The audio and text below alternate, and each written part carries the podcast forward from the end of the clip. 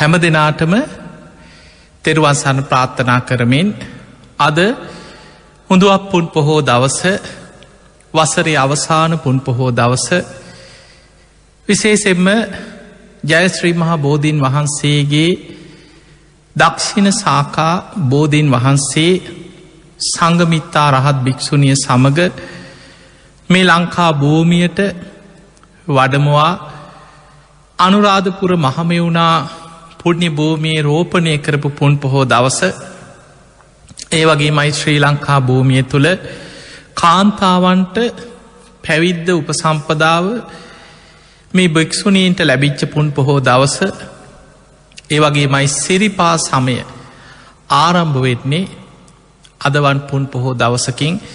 අපේ බුදුරජාණන් වහන්සේ පන්සීයක් මහරහතන් වහන්සේලා සමඟ තුන්වැනි වතාවේ ලංකාවට වැඩම කරපු වෙලාවේ සුමන සමන් දෙවියන්ගේ ආරාධනය මත සිරිපා කඳු මුදුනේ.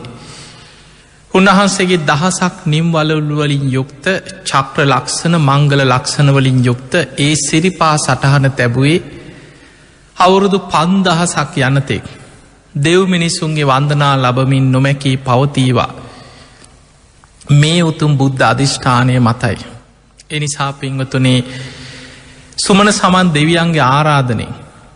උසම කඳු මුදුනේ සමන්තකූට පරවත මුදුනේ මේ තබපු සිරිපා සටහන. අවුරුද්ධ මාස ගණනාවක් අවාරි කියල මිනිස්සු වන්දනා කරේ නැතිවුණාට දෙව් බමුන් ඒ භූමිය හැමදාම වැඳුම් පිදුම් කරමින් පුද පූජා පවත්වන භූමියක්. ඉතින් වසරේ මාස කීපයක් මනුස්්‍යයන් වන අපිට ඔබට අපි කාටත් වාසනාව ලැබෙනවා. මේ සිරිපා කරුණා කරලා ඒ උතුම් සිරිපා සටහන ඒ බුදුගුණ සිහි පත් කරගෙන වන්දනා කළ පින් රැස් කරගන්න. ති මේ කාරණා සියල්ල එදිච්ච. අද වගේ පුන් පොහෝ දවසක මේ ධර්මය ශ්‍රවණයක නොබ හැම දෙනාටම මේ උතුම් ධර්මශ්‍රවනය නිවන්දොරටුවක් බවට පත්වේවා කියලපි මුලින්ම ආශිර්වාද ප්‍රාත්ථනා කරනවා. පිංහතුනේ අපේ බුදුරජාණන් වහන්සේ අනුපාදිශේෂ පරිනිර්වාණයෙන් සම්බුදු කෘත්‍ය අවසන් කරලා එදා මල රජදරුවන්ගේ උපවර්තන සාල වනෝද්‍යානයේ පිරිනිවන් පාණ්ඩ පෙර පිරිනිමන් මංචකේ වැඩ සිටිද්දී. මහා බුද්ධ අධිෂ්ඨාන පහක් සිදු කරනු. ඒ බුද්ධ අධිෂ්ඨාන පහම අපේ ලංකා භූමිය හා සම්බන්ධ බුද්ධ අධිෂ්ඨාන පහක්. ඒ බුද්ධ අධිෂ්ඨාන පහෙන් පළවෙනි අධිෂ්ඨානයේ තමයි බුදුරජාණන් වහන්සේ පිරිනිවන් පාලා අවුරුදු දෙසිය ගණනකට පසුව තුන්ගනි ධර්ම සංගායනාවෙන් පස්සේ. මේ ලෝකෙ බොහෝ රටවලට ධර්මය ව්‍යාප්ත කිරීම පිණිස ධර්ම ප්‍රචාරක පිරිස් ලෝක පිටත් කරලා යවෙන. මෙහිදු මහරහතන් වහන්සේ ඇතුළු මේ රහතන් වහන්සේලා පිරිස ලංකාවට වැඩම කළ ලංකා භූමිය බුද්ධ ශාසන ස්ථාපිත කරන. ඊට පස්සේ බුද්ධ ශාසනය ස්ථාපිත වෙන්න නම්. ජයශ්‍රී මහා බෝධීන් වහන්සේගේ දක්ෂිණ සාකාව ලංකා භූමියයට වඩම්මල පෙර බුදුරජාණන් වහන්සේලාගේ බෝධීන් වහන්සේලාගේ දක්ෂිණ සාකා පිහිටි ඒ මහමෙවුනා පුුණ්‍ය භූමියයේ රෝපණය කළ යුතුයි. මෙන්න මේ කටයුත්තෙදී. මිහිදු මහරහතන් වහන්සේගේ ඉල්ලීම මත ධර්මාසෝක රජතුමා එදා ඒ වෙනකොට වැඩහිටිය ශේෂ්ඨතම මහරහතන් වහන්සේ මොග්ගලී පුතතිස මහරහතන් වහන්සේව දැනුවත් කරලා රන් කටාරමක් සකස් කරලා. රන් කටාරමක් කියන්නේ පුංචි රත්තරං වලින් හදපු පාත්තරයක් නෙමෙයි. විශාල රත්තරම් පාත්තරයක් සකස්කරෝලා පෙරහැරින් පිරිස එකතු කරගෙන මහා බෝධීන් වහන්සේ බුද්ධගයා වජිරාසනී ජයශ්‍රී මහා බෝධීන් වහන්සේ අසලට පැමිණෙන. මෙන්න මෙතනදී බුදුරජාණන් වහන්සේගේ අධිෂ්ඨාන මෙන්න මෙතනට තමයි උන්වහන්සේ අධිෂ්ඨාන යොමු කරන්න. එක අධිෂ්ඨානය. ඒ තමයි ධර්මාසෝක රජ්ජුරුවෝ මේ ජයශ්‍රී මහා බෝධීන් වහන්සේගේ දක්ෂිණ සාකාව දකිනකොට රජතුමාට බයක් තැති ගැනීමක් ඇතිවෙනවා අනේ මං කොහොමද මේ බෝධයේ දක්ෂිණ සාකාව වෙන් කරලා මේ රන් කටාරමී පිහිට වන්නේ කොහොමද මගේ අතින් මං මේ ශාකාවෙන් කරන්න? පිංහතුනි දක්ෂිණ සාකාව කියන්නේ බෝ පැලයක් නෙමෙයි බෝ ඇටයකින් හටගත්ත පුංචි බෝ පැලයක් නෙමේ. අපේ බුදුරජාණන් වහන්සේ බුද්ධත්වයට පත්වෙච්ච ඒ උතුම් ජයශ්‍රී මහා බෝධීන් වහන්සේගේ දකුණු පස තිබිච්ච විශාලම ශාකාව ශාකාව ගැන බෝ අත්ත. එතකොට මේ බෝධි ශාකාව වෙන් කරලා කටාරමී පිහිටවන්නේ කොහොමද කියලා රජතුමාට තැති ගැනීමක් ඇතිවෙන්. මොග්ගලී පුතතිස මහරහතන් වහන්සේගෙන් විමසනෝ. අන්න එතනදි මොග්ගලී පුත්තතිස මහරහතන් වහන්සේ බුද්ධ අධිෂ්ඨාන උන්වහන්සේ ඉරදියෙන් දකිනෝ. දැකල කියනො රජතුමනී ඒ කටයුත් අපි කළ යුතු දෙයක් නෙමේ. අපේ බුදුරජාණන් වහන්සේ පිරිනිවන් පාණ්ඩ පෙර පිරිනිවන් මංචකේ මහා අධිෂ්ඨාන පහක් සිදු කරලා තියෙන. එයින් පළවෙනි අධිෂ්ඨානයේ මේ බෝධි ශාකාවරන් කටාරමේ පිහිටීම හා සම්බන්ධයි. ඒ නිසා ඒ බුද්ධ අධිෂ්ඨානය යම්සේද. ඒ පරිදිව සිදුවේවා කියල රජතුමා බෝධීන් වහන්සේට වන්දනා කරලා ඒ බුද්ධ අධිෂ්ඨානය සිහි කරන්න කියව. පිංහතුනි අපේ බුදුරජාණන් වහන්සේ පිරිනිවන් පාන්න පෙර පිරිනිවන් මංචකේ වැඩඉඳල සිදුකරපු පළවෙනි බුද්ධ අධිෂ්ඨානය තමයි ධර්මාසෝක රජතුමා රන් කටාරමක් සකස් කරගෙන. මහා බෝධීන් වහන්සේ අසලට පැමිණිලා බුද්ධකයා වජිරාසන මේ බෝධීන් වහන්සේට වන්දනා කරද්දි. දක්ෂින සාකාව පමණක් පෙනීදලා අනික් සාකා නොපිණි රජතුමාට ලංකා භූමියයට වැඩම්මිය යුතු දක්ෂින සාකාව පමණක් පෙනේවා කියලා අධිෂ්ඨානයක් කර. එතනදි රජතුමා රත්තරන් තුඩකින් ඒ ශාකාව වෙංවෙන තැන ලකුණු කරලා පළවෙනි බුද්ධ අධිෂ්ඨානය සිහි කරනවා සමගම ඒ බෝධයේ දක්ෂින සාකාව ඉබේම වෙං වෙලා මුල් විහිදවාගෙන අහසට පැරනගෙමින් රන් කටාරමී පිහිටාවා කියල අධිෂ්ඨානයක් කර ඒ තමයි පළවෙනි බුද්ධ අධිෂ්ඨානය. එහෙම නම් පිංහතුනේ ජයශ්‍රී මහා බෝධිය දක්ෂින සාකාව රන් කටාරමේ පිහිටියේ. බුද්ධ අධිෂ්ඨානය මතයි. කවුරුත් කපල රෝපණය කරලා මේ පෝර පස් දාලා හදලා එහෙම මේ වැඩැම්මුව නෙමේ. බුදුරජාණන් වහන්සේ පිරිනිවන් මංචිකයේදී අනාගතය දිහා බලල කරපු බුද්ධ අධිෂ්ඨානය මත මහා පෙළහර පාමින් දක්ෂින සාකාව තමන් විසිම්ම වෙං වෙලා මුල් විහිදවාගෙන අහසට පැන නැගලා රන් කටාරමී පිහිටිය. මේ ප්‍රාතිහාරි දකින රජතුමාට පුදුමාකාර සතුටක් ඇතිවෙලා මුළු දඹදිව් රාජ්‍යම බෝධීන් වහන්සේට පූජා කරා. පිංහතුනි දෙවනි බුද්ධ අධිෂ්ඨානය තමයි ඒ දක්ෂින සාකා බෝධිය රන් කටාරමේ පිහිටනවා සමගම ඒ බෝධීන් වහන්සේගේ බෝ පත් අතරින් සවනක් ගන බුද්ධ රශ්මි දහරා විහිදේවා කියල අධිෂ්ඨානයක් කර. ඒ බෝධීන් වහන්සේගේ බෝ පට්‍ර අතරින් සවනක් ගන බුද්ධ රශ්මි ධාරාවන් විහිදුනා කියෙන්. ඒ බුද්ධ අධිෂ්ඨානය මතයි. අපි දන්නවා බුදුරජාණන් වහන්සේගේ බුදු සිරුරෙන් තමයි බුද්ධත්වයට පත්වෙලා හතරවෙනි සතියේ. රුවන්ගේ මත වැඩ සිටිමින් ධර්මී පරම ගාම්බීරම කොටස් අභිධර්මයේ පට්ඨාන ප්‍රකරණ කොටස මෙනෙහි කරද්ද. උන්වහන්සේගේ ලේදහතුව පවිත්‍රත්වයට පත්වෙලා බුදු සිරුරෙන් සවනක් ගඩ බුද්ධරශ්මි දහරා විහිදුනා කළ සඳහන් වෙනවා. ඒ තමයි බුදුවෙලා මුලින්ම සති හතරකට පසු රුවන්ගේ තුළ වැඩ සිටිමින් අභිධර්මය මෙනෙහි කරද්දි බුද්ධ රශ්මි ධාරා විහි දෙන්න පටන්ගත්ත. බුදු කෙනෙක්ගේ බුදු සිරුරෙන් තමයි බුදු රැස් විහිදුනි. බුද්ධ රශ්මි ඒ ආලෝක දහරා විහිදේ. හැබැයි බුද්ධ අධිෂ්ඨානය මත බුදුරජාණන් වහන්සේගේ අධිෂ්ඨානයෙන් ජයශ්‍රී මහා බෝධී දක්ෂිණ සාකාවරන් කටාරමී පිහිටියට පස්සේ. ඒ බෝ පත්‍රාතරිනු සවනක් ගන බුද්ධ රශ්මි දහරා විහි දෙන්න පටන්ගත්ත.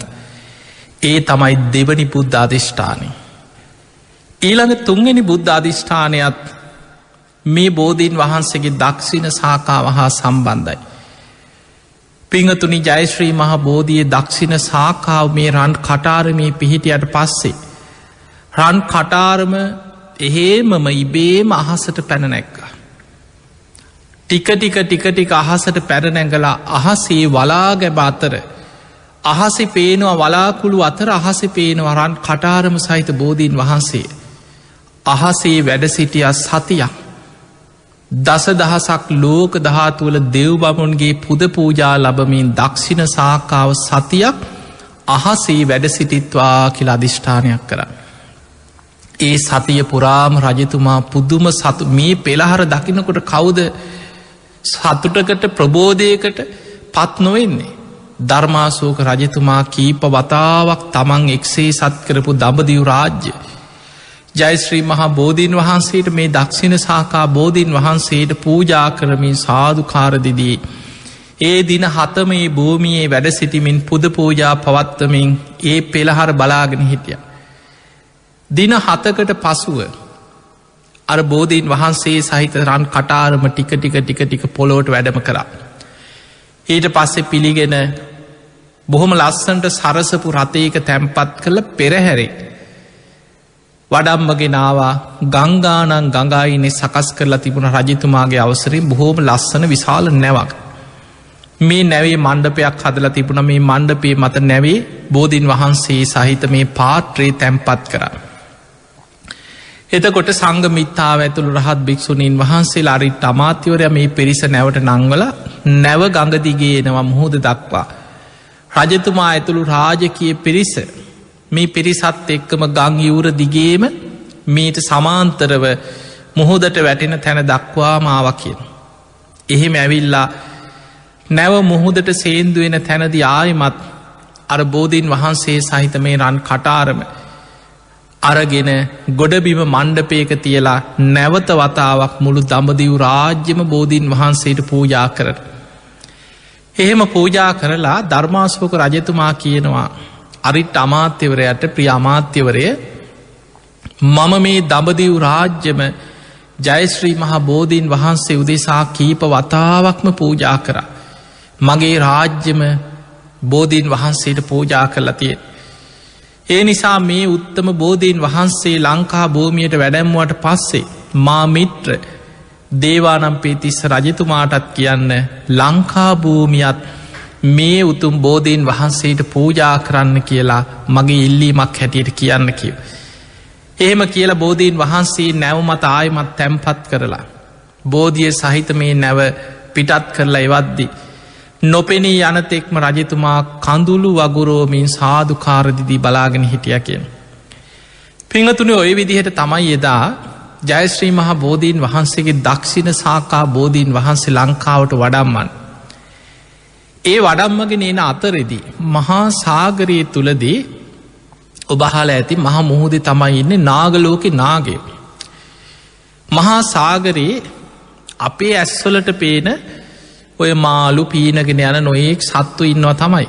හැබැයි මේ මහ මුහුද ඉන්නවා ඇසට නොපෙනෙන තිමි තිමංගල තිමිරපින්ඩල නාග අසුර ගහන්දරුව කියලා සත්ව කොටස් එය අපේ පියවිය හැට පේනෑ. බුදුරජාණන් වහන්සේ පහාරාධ කියෙන සූත්‍ර ඉතාම ලස්සනට පෙන්න්නනවා මහ මුහුද ඉන්නවා කියනවා යොදුන් සිය ගනන් විශාල අමනුස්සයෝ. මේ බුදුහාමුදුරුව බුදු ඇසින් දැකලා දේශනා කන බුද්ධ දේශනාවල සඳහන් වෙනවා සමහර අමනුස්්‍යයන්ගේ ශරීර යොදුන් සීයක් හිතන්න යොදුනක් කන සැතපුම් දාසයක්. යොදුන් සීයක් තරං විශාල අමනුස්්‍යය මුහුද ඉන්නවා කියන. සමහරයිකි ශරීර යොදුන් දෙසීයක් යොදුන් තුන්සීය. යොදුන් හාරසීය තරම් විශාල අයත් ඉන්නවා කිය. ඒ අය අතර තිමි තිමංගල තිමිර පින්ඩල නාග අන්න නාගයන්. අසුර අපායට අයිති අසුර අපායෝ බහල ඇති නිරය තිරිසං අපාය ප්‍රේත අපාය අසුර අපාය සතර අපායෙන් එක. එදකොට මේ අපායගත අසුර යොත් මහ මුහුදෙයි නමනුස්ස කොටසක්. ඒවගේ මයි නාග ලෝකේ නාගලෝකගේ පහම මේ අපි දකින මේ පොළොව ඇවිදගෙන ඇදිලෑන උරගව මේ සරපයෝ නෙමේ. අපි දකින්නෙත් මේ නයි කියල අපි දකින ඒ සරප කොටස නෙමෙයි නාග ලෝකේ කියන්න. ඒක වෙනම ඒ අයට බොහොම ඉරදි තියෙනවා ඒ අයට මිනිස් වෙස් මවාගන්න පුළුව එක ඒක සුරූපයෙන් පෙනෙන්න පුළුවන් විමාන මවාගන්න පුළුවන් එතකොට මේ නාගලෝක නාගයම් හරි සද්ධාවන්තයි. හැබැයි මේ අයට නිවන් දකින්න බෑ නාගලෝක කියන්නේ ධර්මය අවබෝධ කරන්න පුළුවන් ලෝකයක් නෙමේ. හැබැයි ඒ අය ධර්මාවබෝධයට කැමති. නිවන් දකින්න කැමති. ඒ නිසා සුගතියක ඉපදිලා නිවන් දකින්න හිතාගෙන පින් කරන. ඒ ලෝක නාගයන්ට නාගලෝක නිවන් දකින්න බැරි නිසා සුගතියක ඉපදිලා නිවන් දකින්න හිතාගෙන පින් කරනවා. යම් තැනක ධාතුන් වහන්සේ අනාරක්ෂිත වනාද නාගයන්ට ගෙනියන්න පුළුවන් තැනකනම් නාගයන් නාගලෝකට අරගෙන ගිහිලා ඒ ධාතුන් වහන්සේලට වැදුම් පිදුම් කරන. ඔබ දන්නවා සර්වඥ ධාතුන් වහන්සේලා බෙදල දෙන වෙලාවේ ද්‍රෝණ පමුණ පාදයෙන් සඟවගත් දළදා වහන්සේ නාගයන් දැකල පොළොව ඇතුළෙම ඇදගෙන අරගෙන කියා. ජයසේන නාරජු. නාගලෝකයේ ධාතු මන්දිරයක් හදලා ඒ දළදා වහන්සේ බොහෝ කාලයක් නාගලෝක වැදුම් පිදුන් ලැබූ. අවසානයේ නාගලෝක වැඩ සිටිය දළදා වහන්සේ තමයි ලංකාවට වඩම්මල පොළොන් නරුවේ සෝමාවතී චෛත්‍ය තුළ තැන්පත් කළ සෝමාවතී මහා සෑ ඉදි කරන්න. ඊළඟට රුවන්වැලි මහාසෑයි තැන්පත් වෙච්ච ද්‍රෝණයක් සර්වඥ ධාතුන් වහන්සේලා. රාමගාම නගරේ කූලිය රජදරුවන්ට ලැබිච්ච ධාතුන් වහන්සේලා ද්‍රෝණය. ඔවුන් ගංගාවක් අයිනේ බොහොම ලස්සන චෛත්‍යයක් හදලා වැඳුම් පිදුම් කරගෙන හිටි. විශාල ගංවතුරක් එක්ක ගංයවරත් එක්ක මර චෛත්‍යය කඩාගෙන වැටුණ ගඟට. කරඩුව ගගේ පාවෙලා ගිය ගගේ ගිලුන්නේ. ගගේ පාවෙලා මහා සාගරයට යන. සාගරයේ මත කරඩුව ජලයේ ගෑවි නොගෑවී සාගරයේ මත වැඩ සිටිය. නාගලෝක නාගයන් දැකලා අඳුනගත්ත මේ බුදුරජාණන් වහන්සේගේ ද්‍රෝණයක් සර්වඥ ධාතුන් වහන්සේලා. අනේ අපේ වාසනාව අපිට පින්කරගන්න. නාගිය සාධකාරදිදී කරනුව නාගලෝකට අරගෙන ගිහිල්ලා ධාතු මන්දිරයක් මවාගෙන. බොහෝ කාලයක් නාගලෝකයේ ධාතුන් වහන්සේලා ද්‍රෝණයට වන්දනා කරා. ඔබ දන්නවා ඒ උතුම් ද්‍රෝණයක් ධාතුන් වහන්සේලා. දුටු ගැමුණු රජතුමාරුවන් වැලි මහා සෑ ඉදි කරලා ධාතුන් වහන්සේලා තැම්පත් කරන වෙලාවේ. මහරහතන් වහන්සේලගේ ඉංල්ලීමක් කරා ස්වාමිනි මහා සෑය කටයුතු අවසානයි. සෑයි ගර්භය තුළ ධාතුන් වහන්සේලා තැම්පත් කරන්න හෙට දවසේ සියල්ල සූදානන් කරලා අවසානයි. ඔබහන්සේලා ධාතුන් වහන්සේලා වඩම්මල දෙන්න. මහරහතන් වහන්සේලා එකතු වෙලා සාකච්ඡා කළ ඉරදිීම් බලද්දි දැක්කා. බුද්ධ අධිෂ්ඨානය මත මහා සෑයි තැම්පත්වනේ ද්‍රෝණයක් ධාතුන් වහන්සේලා දැන් කොහෙද වැඩ සිටින්. නාගලෝක නාගයන් වැඳුම් පිදුම් කරනවා නාලෝව. බුද්ධ අධිෂ්ඨානය තියෙන්නේ ධාතුන් වහන්සේලා මහාසෑයිරුවන්වැලි මහාසෑයි තැම්පත්තේ. ඒ පිණිසම නාගලෝකයට ගිහිල්ල මේ ධාතුන් වහන්සේලා අරගෙන ඇවිල්ලා මහාසෑයි තැම්පත් කරන්න පෙරුම්පුරාගෙනෙන කෙනෙකුත් ඉන්නවා. ඒ වෙනකොට සාමනීර සාමීන් වහන්සේ නමක් හැටියට වැඩ හිටිය අවුරුදු දාසයයි. සෝනුත්තර කෙන සාමනීරයන් වහන්සේ උන්වහන්සේට පැවරුව. උන්වහන්සේ නාලුවට ගිහිල්ලා පෙළහර පාලමේ ධාතු කරඩු අරගෙන ඇවිල්ල මහා සෑය තැම්පත් කර. රුවන්වැලි මහා සෑය අද වැඩ සිටින ධාතුන් වහන්සේලාත් නාගලෝකින් තමයි අරගෙනාවේ. එනම් අපිට පේනොම මේ නාගලෝකය කැන නාගය බොහොම සද්ධාවන්ත ධාතුන් වහන්සේලාට පූජනය බුදුහාන්දුරුව වෙනුවෙන් වැඳුම් පිදුම් කරන්න හරි කැමති. ජයිස්ත්‍රී මහ බෝධයේ දක්ෂින සාකා බෝධීන් වහන්සේ බොහොදෙන් නැවේ වඩම්බගෙන එනකොට මහා සාගරයේදි නාගයෝ කල්පනා කරා දැන් බෝධීන් වහන්සේ වැඩඉන්නේ අපේ සීමාව තුළ සාගර සීමාව තමයි තියෙන්. අපිට පුළුවන් කොහොමහරි බෝධීන් වහන්සේ පැහැරගෙන නාගලෝකට අරගෙන ගිහිල වැඳුම් පිදුම් කරලා පින් කරගන්න. එහෙම කල්පනා කරපු නාගයෝ බෝධීන් වහන්සේ පැහැරගන්න මහා සාගරයෙන් මතු වෙලා බෝධිය පැහැරගන්න උත්සාහ කරා කිය. හැබැයි ඒ වෙලාවේ සංගමිත්තාව කියන්නේ බොහොම ඉරදි බල සම්පන්න කෙනෙ. මේ සංගමිත්තා රහත් භික්‍ෂුනිය ඉරදි මේ පෙළහර පාවල් පාලා ගුරුළුවෙස් මවාගෙන පෙළහර පෑවක් කියෙන්. නාගයන් ගුරුලන්ට දමනය වෙන. නාගයන්ග දමනය කරා. අවසානි නාගයෝ දැම් බලෙන් පැහැරගන්න හදපු බෝධිය බැරි වුණ ඊට පස්සෙ පෙනීදලා කියනොය බැගෑ පත්ව ඉල්ලීමක් කරන්නේ අපිට සමාවෙන් අපිට අනුකම්පා කරන්න අපි පොරොන්දු පරිදිම ඒ පොරොන්දුව ඉෂ්ට කරන්නම් අපිට සතියක් නාගලෝකෙට අරගෙන ගිහිල්ලා මේ බෝධීන් වහන්සේට පුද පූජා පවත්වලා නාග රාජ්‍යම බෝධීන් වහන්සේට පූජා කරලා මේ නැවේ අපි ගෙනහල්ල තැම්පත් කරන්න අපිට අවසර දෙන්න ඉර්දිමය හැකියාවන් නැති සංගමිත අරහත් භික්‍ෂුනිය දැක්කන්න මේ බෝධියට අනතුරක් වෙන්න. පොරොන්දු පරිදි මොවුන් එක ඉෂ්ට කරනවා. ඒ නිසා නාගයන්ට සතියක් නාලුවට අරගෙන ගිහිල බෝධීන් වහන්සේට පුද පූජා පවත්තන්න අවසර දෙනවා. ඒ නිසා තමයි අදත් අපි බෝධීන් වහන්සේ වන්දනා කරනකොට කියන්නේ සතියක් නාලොව පුදලද බෝධිය කියලා. නාගලෝකෙ නාගයන් සතියක් නාලොවට වඩම්මලා වැදුම් පිදුම් කරලා පුද පූජා පවත්තල නාගරාජ්‍යම බෝධීන් වහන්සේට පූජා කරලා තමයි ආපහුගෙන හල නැවේ තැන්පත් කරේ. මේ නැව එදාට පසුවදා තමයි දඹ කොල පටුනට නැව සේන්දුවෙන්. එතකොට මේ නැව මෙතනට එනකොට මෙහිදු මහරහතන් වහන්සේ ඇතුළු මහරහතන් වහන්සේලා දේවානම් පිතිස රජ්ජුරෝ රාජකය පිරිස විශාල පිරිසක් මෙතැන්ට ගිහිල්ලා හිටිය බෝධීන් වහන්සේ පිළිගන්න. නැව ළඟට එනකොට රජතුමා කරවටක් වතුරට බැහැලා බෝධීන් වහන්සේ හිසිම් පිළිගත්තකින්. පිරිසත් එක්ක පිළි අරගෙන සාධකාරදිදී බෝධීන් වහන්සේ සහිත මේ රන් කටාරම රතයක බොහොම ලස්සන්ට සරසපු රතයක තැන්පත් කළ පෙරහැරින් වඩම්මගෙනාව. ඒන මගතොටේ කීප තැනකම පුද සත්කාර කරමින් පුද පූජා කරමින් පූජාවන් පවත්තමි බෝධීන් වහන්සේ වඩම්මගෙන ආවා අනුරාධපුර මහමය වුණා වයනට. පිංහතුනි මේ අනුරාධපුර මහමය වුණා භූමිය මේ මහා කල්පේ පහළ වෙච්ච සිව් බුදුරජාණන් වහන්සේලාගෙම දක්ෂිණ සාකා බෝධීන් වහන්සේලා රෝපනය වෙච්ච භූමිය.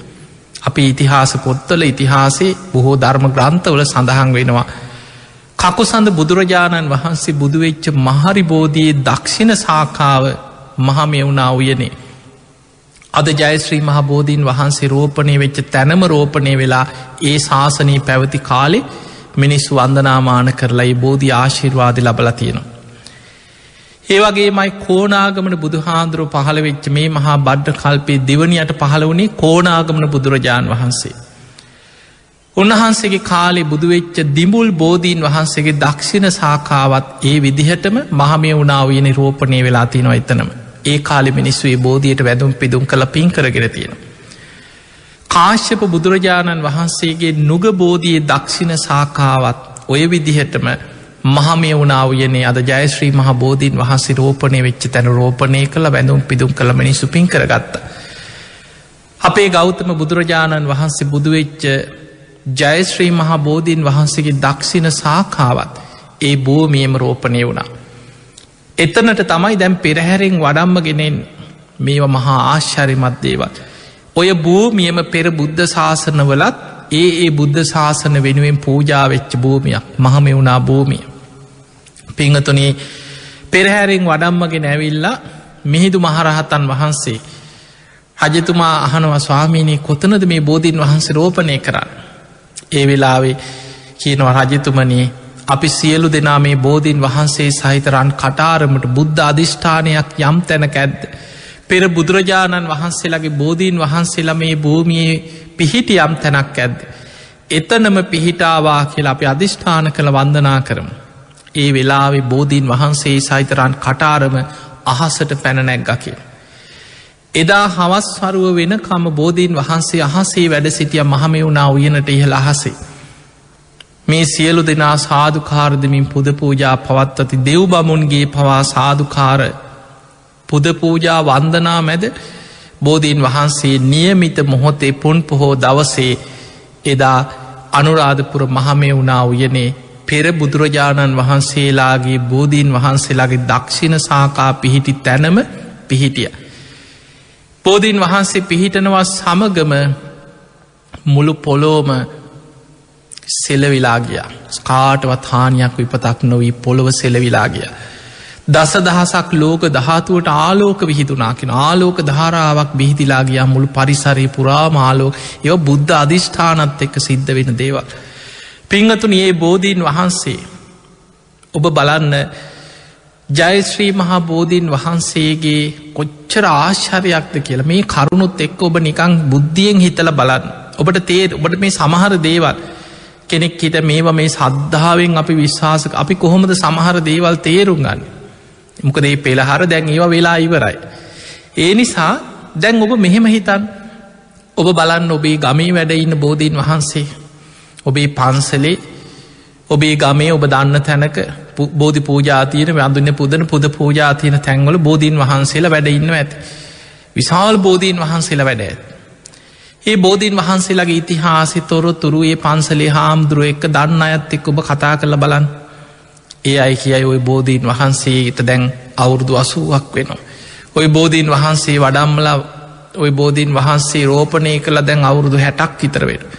අපේ තාත්තගේ කාලේ අපේ සීයල තමයි අනුරාධපුරින් වැඩැම් එහිතන් අපිට පේන විශාලම බෝධීන් වහන්සේ නමක් ගත්තත් අවුරුදු පණහා හැට හැත්තෑ අවුරුදු සීය හමාර වෙනකොට ඒ බෝධීන් වහන්සේ විශාල වෙලා අත්තු දිරලා ඒ බෝධි ශාකා කඩාගෙන වැටිලා බෝධි ශාකාපුවත් වෙලා සමහර බෝධීන් වහන්සේලා සමහරලාවට ඒ ඒ බෝධීන් වහන්සේලාගේ මුල්වලින් හටගත්ත දෙවනි තුන්ගනි පරම්පරාය බෝධීන් වහන්සේ නමක්ෙක්වාද වැඩයින් ඒ පැරණි බෝධීන් වහන්සේ දිරලා ගිහිල්ල. හැබැයි පිංහතුනේ බෝධීන් වහන්සේ විතරක් නෙමේ ඔබ ලංකාව ගංවල කැලෑවල්ල සිංහරාජ වෙන්න පුළුවන්. හැම තැනම ඇවිදල බලන්න අවුරුදු දෙදාහක තුන්දාහක ගහක් හොයන්න කොහරි තියෙනවද කියලා. අපිට හොයාගන්න නෑ. හැබැයි ජයශ්‍රී මහා බෝධීන් වහන්සේගේ දක්ෂිණ සාකාය වයස පුංචි කාලයක් නෙමේ. අපේ බුදු හාමුදුරුව පිරිනිවන් පාල අවුරුදු දෙදස් පන්සිය හැටගාන. බුදු වෙලා අවුරුදු දෙදස් හයසීයකටත් වැඩීද. පිංහතුනි බුදුරජාණන් වහන්සේ මවකුසින් බෝසත් පුතා පහළ වෙනකොටමයි වජිරාසනින් බෝ අංකුරේ පහළ වුණේ. ඔබහල ඇති සහජාත වස්තු කියල. අපේ බෝසතාණන් වහන්සේ මවකුසින් ලෝකයට බිහිවෙනකොටම ඒ මොහොතේ තමයි වජිරාසනය ළඟින් ඇසතු බෝධී බෝ අංකුරේ පහළවෙන්. කන්ත කස්සය යසෝදරාව චන්න ඇමතිය උන්වහන්සේ වෙනුවෙන් සතර මහා නිධානයක් පහළ වනා කියෙන්. ඒ සහජාත වස්තු අතර ජයශ්‍රී මහා බෝධීන් වහන්සේගේ පහළවීම සිද්ධවෙන්. අපේ බෝසතාණන් වහන්සේ මවකුසින් බිහිවෙන ඒ උතුම් මොහොතේමයි එහෙමන අපේ බෝසතාණන් වහන්සේ වසර විසිනමයක් ගිහි ජීවිතය ගත කරලා අභිනිස්ක්‍රමණය කරලා අවුරුදු හයකට ආසන්න කාලයක් දුස්කරා ක්‍රියා කරලා එදා බුදුවෙන දවසේ අපේ බෝසතාණන් වහන්සේ වජිරාසනය ළඟට වඩිනකොට උන්වහන්සික වයි සවුරු තිස් පහයි. උන්වහන්සේ වෙනුවෙන් පහළවෙච්ච බෝධීන් වහන්සේගේ වයසත් හරියට මේ වෙනකොට අවුරුදු තිස් පහයි.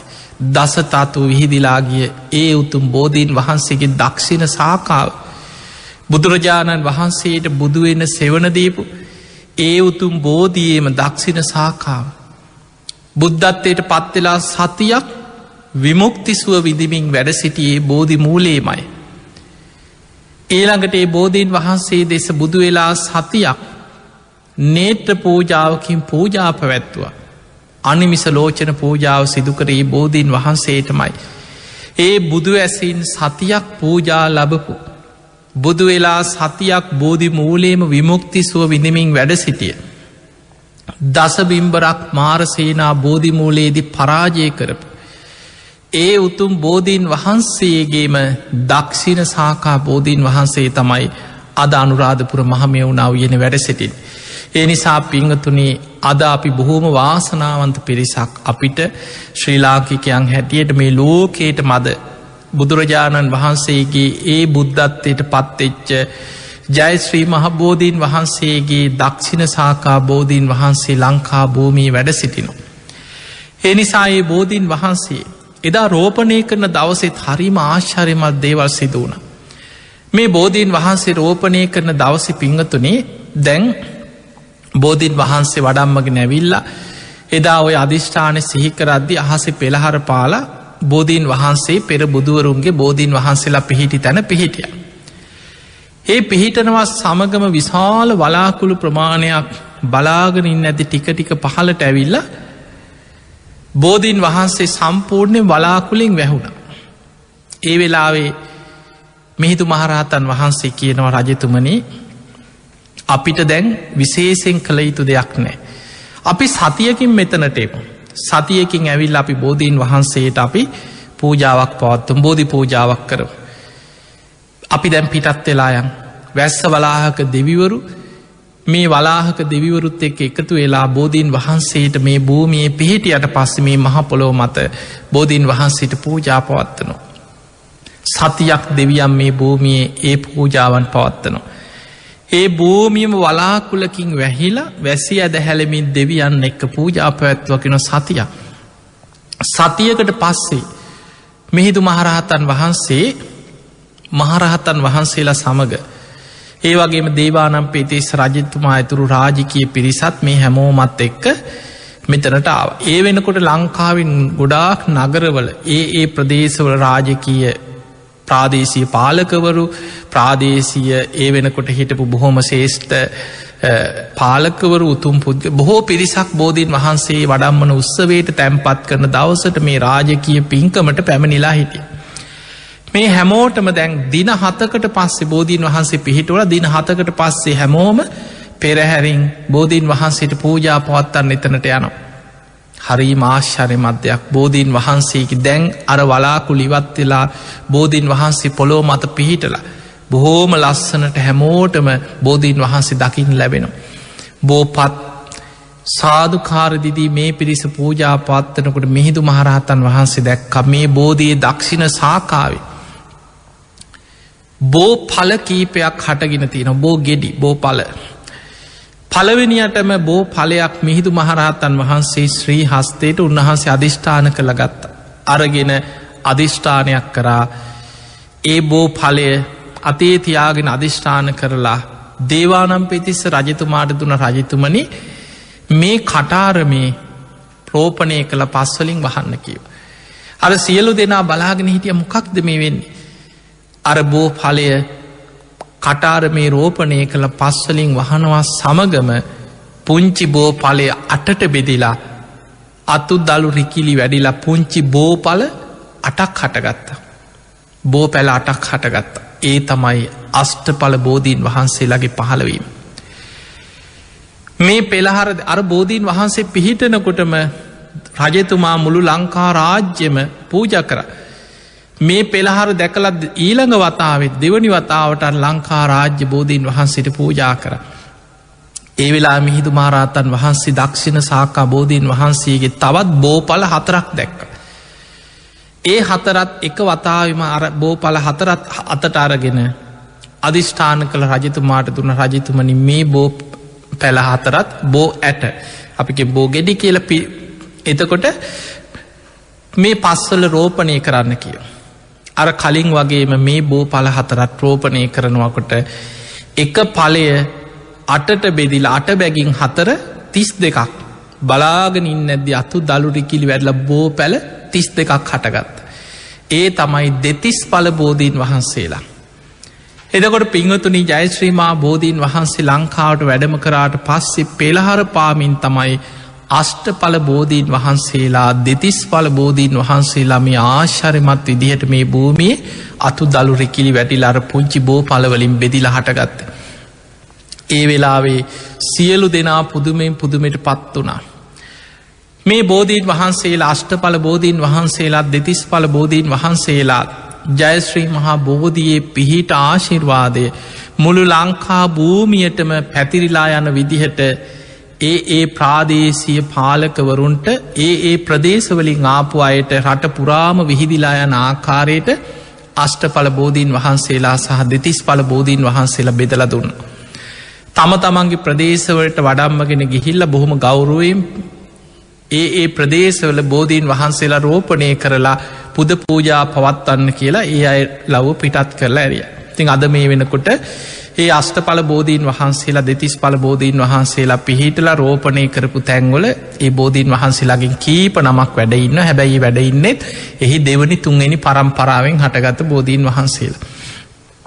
හැබැයි අදටත් අවුරුදුවලින් දෙදස් පන්සිය ගානකට වඩා පැරණි. ඒ උතුම් බුදුරජාණන් වහන්සේ බුදුවෙච්ච ජයශ්‍රී මහා බෝධියම දක්ෂිණ සාකා බෝධීන් වහන්සේ ඒ ප්‍රමාණෙන්ම විශාල වෙන්නෙත් නැතිව ඒ ප්‍රමාණින්ම අනුරාධපුර මහමය වුණාවයන අදටත් දකින්න තියෙන. ඔබ බලන්න මීට අවුරුදු පණහාකට හැටකට සීයකට පෙර පැරණි පින්තූර පැරණි සමහර තියෙන අවුරුදු දෙතුන් සියකට පෙර පින්තූර නැති වුණත් ඇදපු ඡායාරූප. ඒ ඒ අධිරාජ්‍යවාදීන්ට යටත් වෙච්ච කාලවල වැනි කාලවල මේ ජයශ්‍රීමා බෝධීන් වහන්සේ ගැන ඇඳපු පැරණි ඡායාරූප. එතකොට ඒවෑ වනත් අපිට බලපු හම්පේ නොමීට අවුරුදු දෙසීයකට කලින් ගත්තත් තුන්හාරසීයකට කලින් ගත්තත් මේ බෝධීන් වහන්සේ මේ ප්‍රමාණයම නිදත් තිබිලතියෙන්. ඒ නිසාදටත් ජයශ්‍රී මහා බෝධීන් වහන්සේගේ දක්ෂිණ සාකාව අනුරාධපුර මහමෙවුණාවයෙන් භූමිය අසිරිමත්ම පෙළහර පාමින් ඒ ප්‍රමාණෙන් වැඩයින්. ඒ බෝධීන් වහන්සේගේ ඒ බෝ අංකුරවලින් අදටත් හටගෙන. ලංකාභූමිය පුරාරෝපණය කරපු ඒ උතුම් බෝධීන් වහන්සේලාගේ අනෙක් ශාකා බෝධීන් වහන්සේලා දිහා බලට ඒ බෝධීන් වහන්සේලා සාමාන්‍ය අනිත් බෝධීන් වහන්සේලා වගේ අවුරුදු පණහා හැට හැත්තෑ එනකොට විශාල වෙලා ඒ අතු දලු රිකිලි ශාකා දීරල බෝධීන් වහන්සේලා පවත්තෙන්. නමුත් ඒ මුල් බෝධීන් වහන්සේ අදටත් ඒ ප්‍රමාණයම වැඩයින්. ඒ නිසා ඒ උතුම් ජයශ්‍රී මහ බෝධීන් වහන්සේගේ ආශිර්වාදය පිහිට විශේසෙන් ලක්වාසි ලෝවාසි හැම දෙනාටම ලැබේවා ලැබේවා කියල අපි ආශිර්වාද කරනවා. පිංහතුනේ බුදුරජාණන් වහන්සේ වෙනුවෙන් අපිට වන්දනා කරන්න. සාරීරික ධාතුන් වහන්සේලා. සාරීරික ධාතුන් වහන්සේලා කියලා කියන්න බුදුරජාණන් වහන්සේගේ ශරීරයේ වැඩ සිටිය අස්තිධාතුන් වහන්සේලා. ඒවට කෙන සාරීරික සර්වඥ ධාතුන් වහන්සේලා. ඒ ධාතුන් වහන්සේලා ලැබෙන්නේ බුදු කෙනෙක් පිරිනිවන් පෑවට පස්සේ. සාරීරික ධාතුන් වහන්සේලා. හැබැයි බුදුහාන්දුරු ජියවමාන වැඩඉන්නකොට හිස පිරිමැදල කේෂ ධාතුන් වහන්සේලා ලබාදීපු අවස්ථා තියෙන. හිස පිරිමැදල කේෂ ධාතුන් වහන්සේලා බොහෝ පිරිසකට ලබලදීලා තියෙන. ඒ කේෂ ධාතුන් වහන්සේලා ධර්මය හඳුන්වන්නේ ජීව සාරීරික ධාතුන් වහන්සේලා හැරියට. ඒ ජීවත් වෙලා ඉන්නදි තමයි කේෂ ධාතුන් වහන්සේලා ලබලදී. හැබැයි බුදු කෙනෙක් වැඩයින් නැද්දි බුදු හාමුදුරුව වෙනුවෙන් බුදුහාදුරු හා සමානව පින්කරගන්න හිතාගෙන වැදුම් පිදුම් කරනවනං බුදුරජාණන් වහන්සේ පෙන්නල දුන්නේ බුද්ධත්වයට පත්තෙච්ච බෝධිය දක්ෂිණ සාක බෝධීන් වහන්සේ වෙනුවෙන් වන්දනා කරන්න. බුදුහාන්දුරු වැඩ ඉන්නකොටම ඒ බුදුහාන්දුරුවන්ගේ අවසරේ මතම බුද්ධගයා වජිරාශන බෝධයේ බෝ අංකුරයක් ශාකාවක් නෙමේ. බෝ පලයක් අරගෙන ඇවිල්ලා රෝපණය කරලා අදටත් දඹදිව ජේතවන පුුණ්්‍ය භූමියයේ ආනන්ද බෝධීන් වහන්සේ හැටියට ඒ බෝධීන් වහන්සේ වැඩයින්. එහෙමනම් අපට පේනවා පිංහතුනේ ඒ බෝධීන් වහන්සේලා. බුදු හාමුදුරුවන්ගේ අවසරේ ලැබිල තින බෝ තැස් කෙනෙක් හිතන්න පුළුවන් මේ ගස් සොලට වඳීනවා ඕවට වැඳල හරියනවද පිංහතුනේ අපේ චේතනාව තුළයි පින රැස්වෙන්නේ. අපි බුදු පිළිම එකට වඳනකොට මේ ගහක් මේ ගලකට නේද මැටි ගොඩකට නේද කියලා හිතුවෝත් ඒ අපේ චේතනාව තියෙන ප්‍රශ්නය. හැබැයි අපි වඳින්නේ බුදුරජාණන් වහන්සේගේ බුදුගුණ සිහිකරගේ ධර්මය දන්න නැති කෙනෙකුට නුවන නැති කෙනෙකුට සද්ධාව නැති කෙනෙකුට හිතෙන්ට පුළුවන් මේ මිනිස්සුන්ට පිස්සු මේක මිත්‍යා දෘෂ්ටිය මේ ගස්වලට වඳනවා ගල්වලට වදිනවා මොනවද මේ? එහෙම හිතෙන්ට පුළුව හැබැයි යාලා දන්නේ නෑ පින රැස්වෙන්නේ චේතනාව තුළ. අපි ගලක් වෙන්න පුළුවන්. හැබැයි ඒ ගලෙන් බුදුරජාණන් වහන්සේගේ බුදුරුව නිර්මාණය කරාට පස්සේ වන්දනා කළ පින් රැස් කරගන්න සුදුසු ප්‍රතිමා වහන්ස් දාත් අපි ඒව ධාතුන් වහන්සේලා හැටියට ධාතුන් වහන්සේලා කියන්නේ ශරීරයේ තියෙන අස්තිධාතුන් වහන්සේලාම විතරක් නෙමේ ශාරීරික ධාතු පාරිභෝගික ධාතු උද්දේශික ධාතු. උද්දේශික ධාතු හැටියට හඳුන්න්නන්නේ බුද්ධ ප්‍රතිමා වහන්සේලා. අප හිතම නිකං ගලක් තියෙන. කෙනෙක් මේ ගලේ නිර්මාණය කරනවා සිරිපා සටහන. උද්දේශික ධාතුන් වහන්සේ නමක් හැටියට වන්දනා කරන්න සුදුසුයි. උද්දේශිකයි. ඊළඟට බුදුරජාණන් වහන්සේගේ මැටිගොඩ අපි මැටිවලට වඳ ඉන්නේ. හැබැයි මැටිවලින් අපි බුද්ධ ප්‍රතිමා වහන්සේ නමක් නිර්මාණක තොට අපි දන්නම් මේ බුදු හාමුදුරන්ගේ පිළිමය අන්න උද්දේශක ප්‍රතිමා වහන්සේ නම. හැබැයි අපි ගඩොල් නිකන් ගඩොල් ගොඩවල් දැකල ගඩොල්ලට වඳන්න ෑන මිනිස්. හැබැයි මේ ගඩොලෙන් අපි හදනව චෛත්‍යය. ඒ චෛත්‍යය තුළ ධාතුන් වහන්සේලා තැම්පත් කරලහරි එක්ක බුදු හාන්දුරුව වෙනුවෙන් බුද්ධ ප්‍රතිමා හරි සාරීරික පාරිභෝක උද්දේශික ඔය ත්‍රිවිධ පූජනීය ධාතුන් වහන්සේලාම තැම්පත් කළ චෛත්‍ය හදන්න පුළුව. එතකොට ඒ චෛත්‍ය වන්දනා කරන්න සුදුසුයි. ඒ නිසා පිංහතුනී බුදුහාමුදුරුව වෙනුවෙන් බුදුරජාණන් වහන්සේ පෙන්නුවේ තැන් කෙනෙකුට අදත් බුදුහාන්දුරුව වෙනුවෙන් චෛත්‍යයක් වැඳලා බෝධීන් වහන්සේට වන්දනා කළ බෝධි පූජාවක් තියලා බුදු කෙනෙකුට පූජා පැවැත්තුව වගේ පින් කරගන්න පුළුවන්. ඒක බුද්ධ දේශනාව සඳහන් වෙනවා මේ විදිහට. තිට්ටන්තේ නිබ්බුතේ චාපී සමේ චිත්තේ සමේ පලං. චේතෝ පනීදි හේතුහි සත්තා ගච්චන්ති සුග්ගතින් තිට්ටන්තේ ගැන බුදුරජාණන් වහන්සේ ජියවමාන වැඩ සිටිනකොට. යමෙක් බුදුහාන්දුරුව වෙනුවෙන් තැ බුදුහාන්දුර වැඩ ඉන්න කාලෙ කවරු හරි බුදුහාන්දුරුව වෙනුවෙන්ම ගිහිල බුදුහාන්දුරන්ටම දානි පූජ කරන බුදුරජාණන් වහන්සේටම ගිලම් පස පූජ කරන බුදුහාන්දුරන්ගේ සිරිපතුල් අභියස වන්දනා කරන එතකොට බුදුහාන්දුරන්ට දානි පූජ කරලා වැඳලා ගිලම් පස පූජ කළ බුදුහාන්දුරන්ට වැඳල යම් පිනක් කරගන්නවාද. නිබ්බුතේ චාපි බුදුහාන්දුරුව පිරිනිවන් පෑවට පස්සේ. බුදුහාන්දුරුව වෙනුවෙන් ධාතුන් වහන්සේලාට හරි බෝධීන් වහන්සේලාට හරි බුද්ධ ප්‍රතිමා වහන්සේ නමකට හරි මේ කියන සාරීරික පාරිභෝගික උද්දේශික කියන ත්‍රිවිධ චෛත්‍ය වෙනුවෙන් අපි වන්දනා කරන.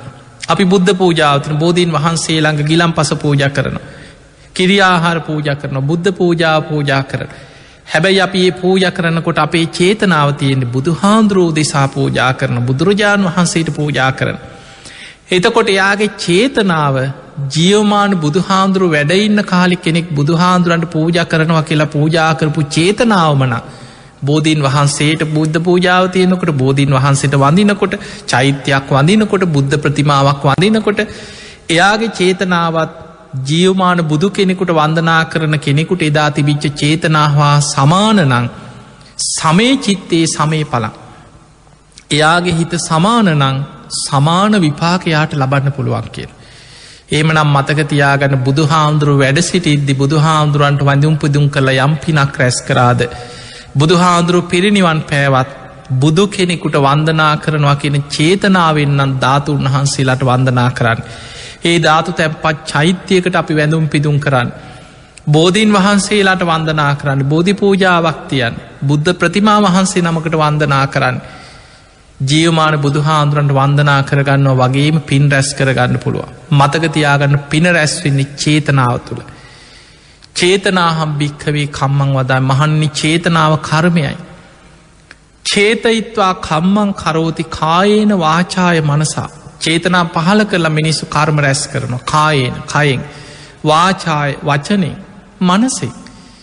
අපේ සිතකයි වචනය කෙන තුන්දොරීම චේතනා පහල කරලා මිනිස්සුන්ට කර්ම රැස් කරන්න පුළුව. ඒ නිසා පිංහතුනේ ඔබේ ජීවිතය තුළ අපි බුක්ගොඩාක් වාසනාවන්ත අපිට ගොඩක් ප්‍රශ්න ඇති. අද ලෝකෙ දිහාගත්තාහම් වසංගත රෝග විපත් මිනිස්සුන්ට ජීවත්තය නමාරු කාලය රටේ ප්‍රශ්න ගොඩා පවුල්වල ප්‍රශ්න දරුවන්ගේ ප්‍රශ්න අධ්‍ය ගොඩාක් ප්‍රශ්න ඇති ලෙඩ රෝග කරදර විපත්. හැබැයි ලෝකෙ කාටවත්න නැති වටිනාම පූජනීයමදේ අපිට ලැබිල තියෙන. අපිට සද්ධාව ඇති කරගන්න බුදු කෙනෙක් ගැන සද්ධාව ඇති කරගන්න ලැබුණ. ඒ බුදුරජාණන් වහන්සේගේ ධර්මය නිතර අපිට අහන්න ලැබුණ ධර්මය ගැන හිත පහදවා ගන්න ලැබුණ. මාර්ග පල්ලාබී ශ්‍රාවක සංඝයා ගැන නිතර අහන්න ලැබෙනවා සද්ධාව ඇති කරගන්න ලැබෙන. ඒ වගේම අපිට කොච්චරනං රුවන්වැලි මහාසෑයි අටමස්ථාන සොලොස් මස්ථාන ඒ වගේම ජයිස්ත්‍රී මහා බෝධීන් වහන්සේ අෂ්ට පල බෝධ